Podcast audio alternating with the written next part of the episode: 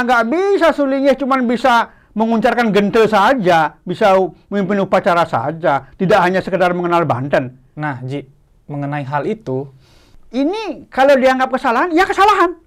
Tetapi kesalahan ini kan iya. tidak seperti kesalahan ketika seorang Sulingih kemudian melecehkan atau melakukan hal-hal yang bersifat pelecehan seksual terhadap iya. sisyonya atau sulingnya yang menghamili seorang gadis ada ada banget ada sekali ya Wah. ini kan lebih parah lagi Sangat walaupun parah. tidak tersentuh oleh hukum negara mm -hmm.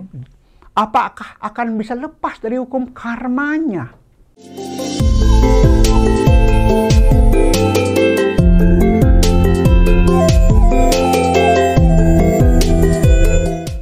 Om Swastiastu. Baik pemirsa Hindu Channel kembali lagi dengan perbincangan-perbincangan menarik nih tentunya fenomena fenomena-fenomena yang terkait di masyarakat. Nah, pemirsa Hindu Channel kali ini saya tidak sendiri tentunya dengan Aji Dewa Suranaya dong membahas tentang isu terkini nih. nah, sebelumnya Aji gimana kabarnya? Baik, iya.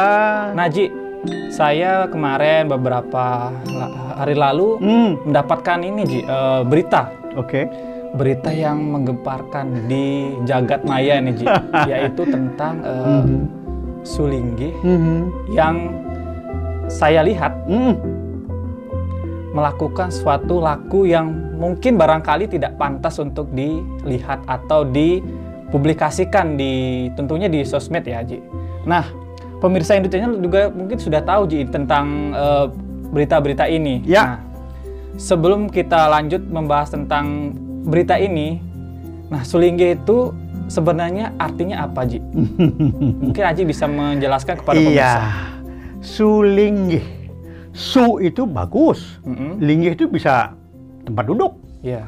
Tapi tempat duduk yang bagus untuk siapa? Nah, bahasa gampangnya ya tempat duduk yang bagus untuk siwa untuk siwa. Ya, jadi memang suling itu ya memang beliau harus ngelingihkan hmm. siwa ya ataupun siapa pun yang dipuja lah yeah. yang utama ya. Yeah. Nah, kemudian sulingnya juga kan membawa tongkat. Walaupun sulingnya usia muda, hmm. tetap dia harus bawa tongkat. Tongkat itu simbol weda. Artinya apa? Seorang suling itu harus menguasai yang namanya weda. Tentu weda yang kita maksud adalah Nah, yang dikuasai ini apa? Catur weda. Oh, catur weda. Nah, tentu kalau kita lihat sekarang Sulinggi itu ya. Iya. Uh, yang mengacu kepada sastranya Siwa Sesana misalnya, hmm. itu banyak sekali aturannya. Wah banyak ini nggak boleh, itu nggak boleh, harus begini, harus begitu. Tapi sebetulnya kenapa tidak dimudahkan? Misalnya, ya seorang Sulinggi acuannya tetap kepada yang namanya tiga kerangka dasar agama Hindu. Hmm. Tiga kerangka dasarnya luas loh. Iya. Ada tatuannya, ya. Iya. Ada etikanya, susilanya. Iya. Ada acara. Acara. Nggak mudah dari sulingnya. Sulingnya itu kan tidak hanya sekedar dia bisa muput, beliau bisa muput, memimpin upacara, memandu upacara. Itu kan hanya sebagian kecil. Iya. Pelayanan terhadap umat. Dharma sewanam. Tapi sebagian kecil. Hmm. Tapi lebih dari itu, yang namanya pemahaman tentang etika, ya, weda-weda, Catur Weda loh ya, bukan Weda yang lain ya. Catur Weda, kemudian Itiasa Purana, Darsana, Nibanda. Ya, Nibanda ini yang maksud ke dalamnya adalah Sarasa Muscaya, Niti Sastra, Slokantara, mm -hmm. dan lontar-lontar lokal baik yang ada di Jawa maupun yang ada di Bali. Artinya Sulinggi itu memiliki banyak sekali landasan-landasan menjadi seorang Sulinggi. Lo iyalah, nggak bisa Sulinggi cuma bisa menguncarkan gente saja, bisa memimpin upacara saja, tidak hanya sekedar mengenal Banten. Nah, Ji, mengenai hal itu, tentunya Sulinggi memiliki cikal bakal dong. Iya dong, di Indonesia ini kan cikal bakal Brahmana Nusantara itu beliau adalah Maharsi Agastya Maharsi Agastya. Iya, saya nggak tahu apakah semua sulingnya sekarang mengenal beliau nggak. Nah ini pertanyaan besar. pertanyaan besar. Ada yang namanya apa namanya sastra Agastya Prana, Agastya ini juga harus dikenal, uh -uh. ya. Jadi banyak sulinggih itu tidak mudah loh sulinggih itu, yeah. ya tidak mudah, banyak sekali tatuanya berapa banyak tatua itu. Kemudian uh, masalah etika, unggah ungguhnya, unggah ungguhnya, bagaimana, ya. iyalah, bagaimana peran beliau misalnya, bagaimana seorang sulinggih mestinya, ya. Mm -hmm. Jadi ini ini luar biasa, etika ini etika perilaku seorang suling itu harus jelas, yeah. harus tercermin dalam kehidupan keseharian baik ketika melayani umat hmm. maupun kegiatan-kegiatan lain. Nah, kalau dikaitkan dengan fenomena berita yang tersebar ini, ya, iya. bagaimana ini? Jadi, jadi begini. Saya jadi bingung. Saya ya. sebagai pemuda tentu melihat hal seperti ini tidak bisa masuk logika saya. Iya, jadi begini beliau itu saya kenal baik. Iya. Bahkan uh, Rai Dharmanya, adik Dharmanya maupun uh, kakak Dharmanya mungkin ada yang beberapa saya kenal. Iya. Mereka itu orang-orang hebat semua. Iya. Tapi juga yang beliau ini, yang viral ini, beliau juga seorang seniman. Banyak melahirkan lagu-lagu rohani yang sangat bagus. Iya. Memang tidak ada salahnya misalnya anak-anak muda seperti uh, Wayan merasa aneh begitu ya. Kok ada yang begini? Sementara kita sering kali menempatkan seorang sulinggi itu jauh di atas sangat tinggi. Bahkan kadang-kadang kita untuk berbicara langsung saja takut-takut. Iya. Ya, karena benar, kita Ji. begitu menghargainya. Benar. Sehingga ketika melihat sesuatu kejadian seperti ini, lalu kita kecewa berat. Sangat berat. Nah, lalu kemudian kita melakukan hal-hal yang kadang-kadang juga kita sendiri nggak etis. Nah, yeah, melihat yeah. sesuatu yang kita anggap tidak etis, lalu kita melakukan hal-hal yang malah lebih dari tidak etis. Tidak etis. Seperti misalnya Beliau kan punya putra. Lah, putranya apa salahnya kemudian sang putra dibully? Habis-habisan. Habis-habisan oleh masyarakat. Benar. Semua ya hal yang buruk keluar semua. Artinya kita sama tidak bijak. Nah, bukan hanya tidak bijak. Kalau boleh saya katakan lah ya. itu melanggar HAM itu. Melanggar hak asasi manusia. Manusia ya. diperlakukan seperti itu nggak benar. Iya. Sehingga ya. mungkin ini yang menyebabkan beliau membuat pernyataan mundur. Oke. Nah, mungkin sampai sejauh itu saya agak sepakat ya kalau beliau mundur karena kondisi anggota ya? iya karena kondisi anggota keluarga yang lain menjadi sasaran. sasaran. Sementara orang-orang ini kan apa betul perbuatan mereka membuli-buli-buli ini tidak melanggar etika? Iya, benar. Apakah ini tidak lebih lebih lebih etis lagi dibandingkan dengan apa yang beliau lakukan? Nah, untuk hal seperti itu bagaimana nih caranya uh, masyarakat begini memposisikan dirinya nah, biar tidak membuli. Jadi masyarakat itu bijak lah. Artinya apa? Oke, tidak usah bully, hmm. tidak usah um, apa namanya menghina, melecehkan dan lain sebagainya. Yeah. Tapi cukup menyarankan, memberikan masukan. Sebaiknya beliau mungkin katakanlah selama 10 tahun yeah. tidak melayani umat dulu, melaksanakan okay. yang namanya tirta gamana Penyucian diri. Penyucian diri. Oke. Penyucian diri. Oh, iya. Sebab saya juga tidak sepakat kalau langsung beliau mengatakan mundur. Masalahnya, apakah seorang sulingnya berhak mengatakan mundur tanpa sepengetahuan sang nabi? Nah, nggak bisa. Berarti hal seperti itu juga ada aturan. Ada aturan mainnya. Oke. Jadi hanya nabi, hanya nabi yang berhak menghentikan. Mem ya menghentikan atau memberikan izin memberikan untuk izin untuk mundur. mundur. Okay. Walaupun sebetulnya ini kalau dianggap kesalahan, ya kesalahan. Tetapi kesalahan ini kan iya. tidak seperti kesalahan ketika seorang sulingi kemudian melecehkan atau melakukan hal-hal yang bersifat pelecehan seksual terhadap iya, iya. sisionya atau sulingi yang menghamili seorang gadis ada, ada banget. Ada sekali. Ya. Wah. Ini kan lebih parah lagi. Sangat walaupun parah. tidak tersentuh oleh hukum negara. Mm -hmm. Apakah akan bisa lepas dari hukum karmanya? Enggak juga. tidak. Nah, oleh karena itu peristiwa ini mungkin bisa dijadikan sebagai sebuah pedoman. Cobalah lihat, wahai para sulinggi, lihat diri-diri Anda, apakah Anda betul-betul sudah melaksanakan sesana kelinggihan, kesulingihan dengan juga menggunakan simbol tongkat sebagai wedanya seorang sulinggi dan menjadi guru loka. Iya. Ayolah, ini peluang bagus sebetulnya. Peluang bagus yang bisa dimanfaatkan untuk koreksi diri. Apakah -hmm. Anda sudah betul-betul melaksanakan kesulinggihan? Okay. Ya.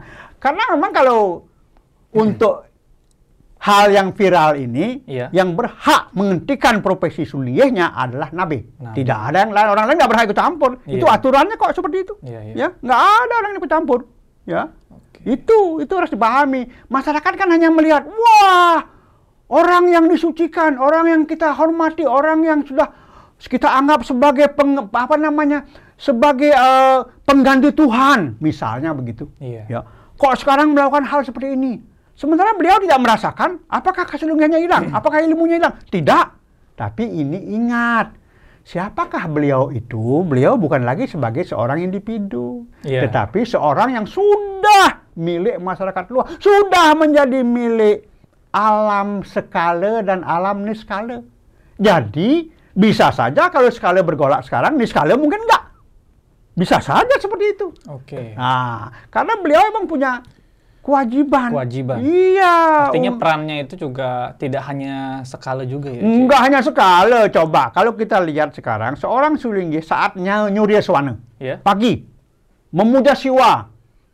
Eh memuja surya siwa raditya. Artinya ada hubungan kekuatan sulinggi itu apa, Ji? Kekuatan sulinggi adalah kekuatan yang muncul ketika ada yang namanya dwi jati kelahiran dua kali. Pertama kelahiran biologis dari sang ibu, yeah. yang kedua kelahiran rohani. Oke. Okay. Ini dia kelahiran rohani didukung oleh seluruh kekuatan alam semesta.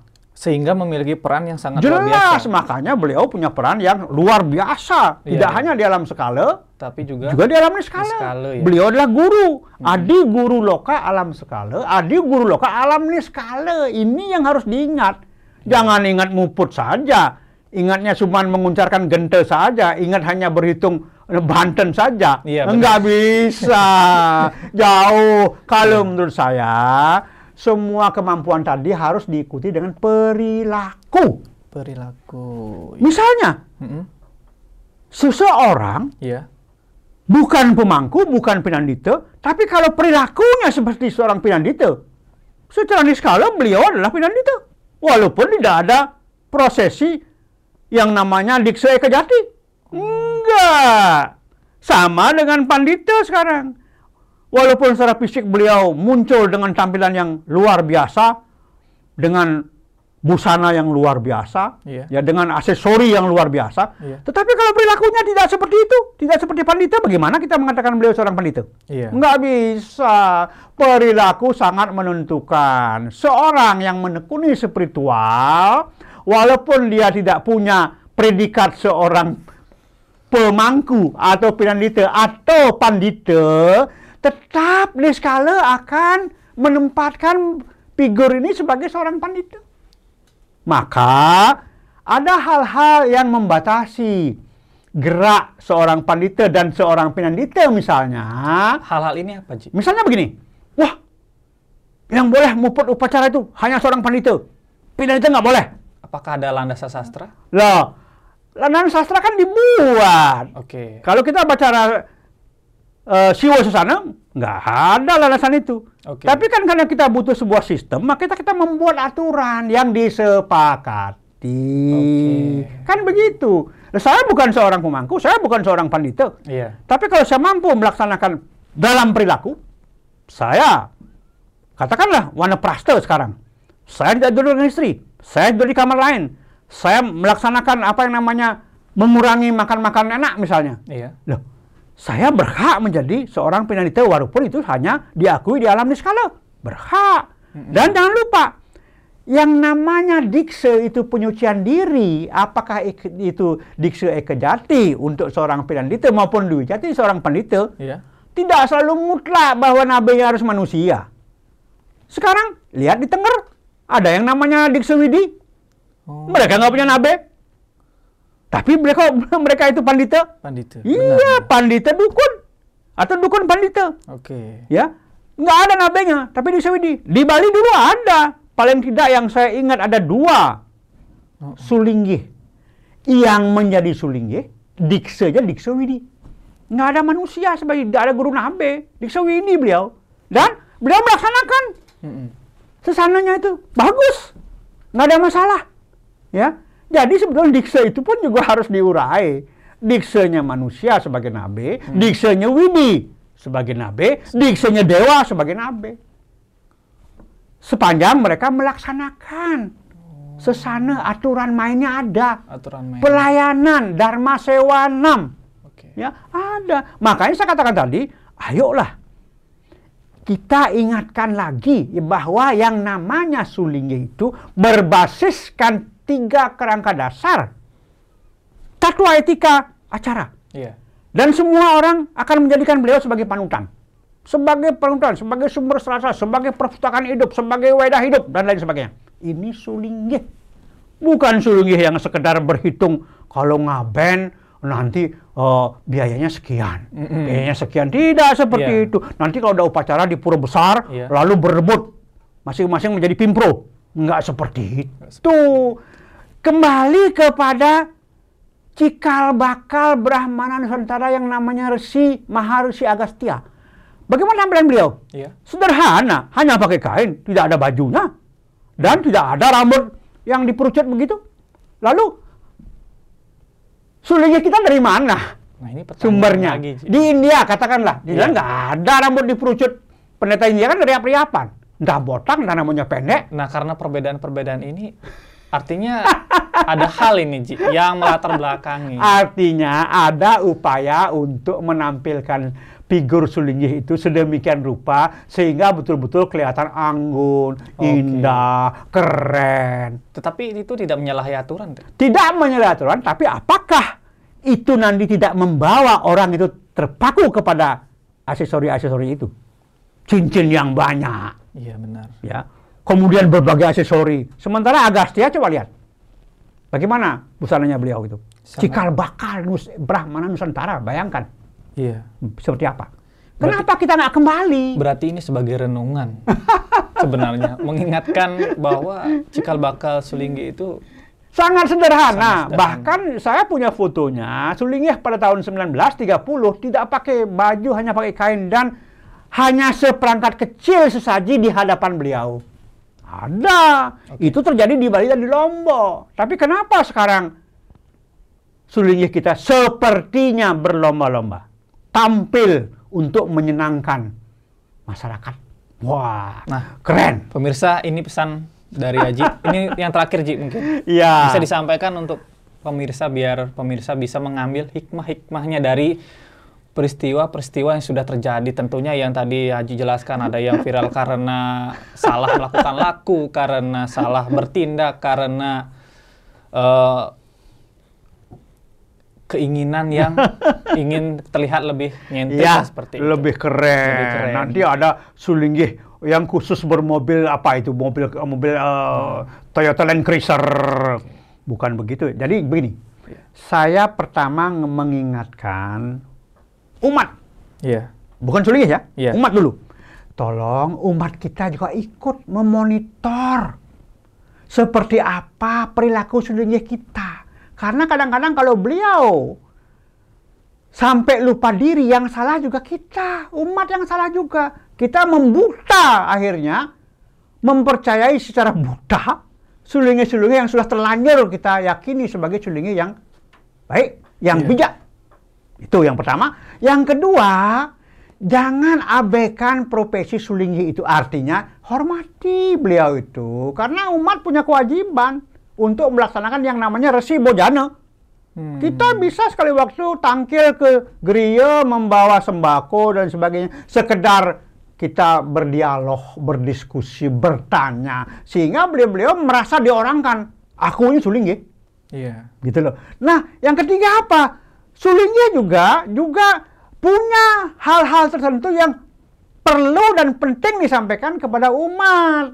Jangan sulingnya hanya nunggu misalnya karena ada uh, upacara, tidak. Hmm. Dan yeah, yeah. cobalah para sulingnya kita mengkaji ulang sastra-sastra kita Untuk apa? Untuk meningkatkan literasi keagamaan Hindu kepada umat.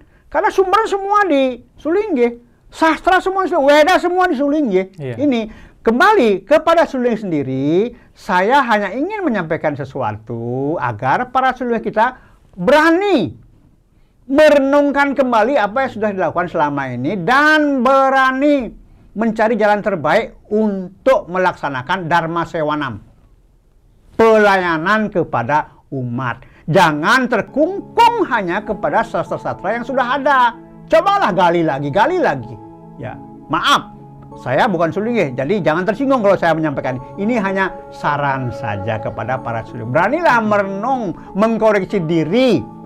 Jangan membuat umat semakin bingung. Ya. Dan jangan juga menganggap hanya sulingi di Bali yang yang paling benar. Banyak sulingnya di Kalimantan ada Basir, di Meratus ada Guru Jaya, di Jawa ada Was, ada Resi, banyak. Kita semua sama kak. Kembali kepada sab, uh, Bisama Sabuk Pandita yang dikeluarkan di Pesamuan Agung Parisade Pusat di Lampung tahun 2005. Ini banyak diabaikan. Banyak sekali diabaikan. Sehingga kadang-kadang akhirnya hanya sekelompok orang tertentu yang menganggap bahwa sulingis Jawa itu beda kualitasnya. Nah ini perlu dibaca ini. Saya kira itu yang bisa saya sampaikan. Yang yeah, mudah-mudahan ada manfaat ini. Luar biasa. Terima kasih Haji atas pemaparan dan penjelasannya ya, mengenai sama-sama. salah satunya isu hmm. yang lagi viral dan pesan-pesan tentang Sulinggih. Mudah-mudahan pemirsa Hindu Channel bisa mengambil sisi positifnya dari ya. yang dijelaskan oleh Aji dan bisa kita manfaatkan ya. untuk bekal diri kita ya, ya. Ji. Betul. Agar ke depannya kita juga saling mengingatkan tentang eh, kejadian-kejadian uh, yang mungkin kurang kita mengerti. Iya. Intinya pemirsa Hindu Channel terus kita tingkatkan literasi Hindu Indonesia. Oke Aji, terima kasih. Sama-sama. Mari, mari kita tutup Aji dengan Baik. Pak Ramesanti obrolan kita hari ini. Iya. Baik Aji, mari.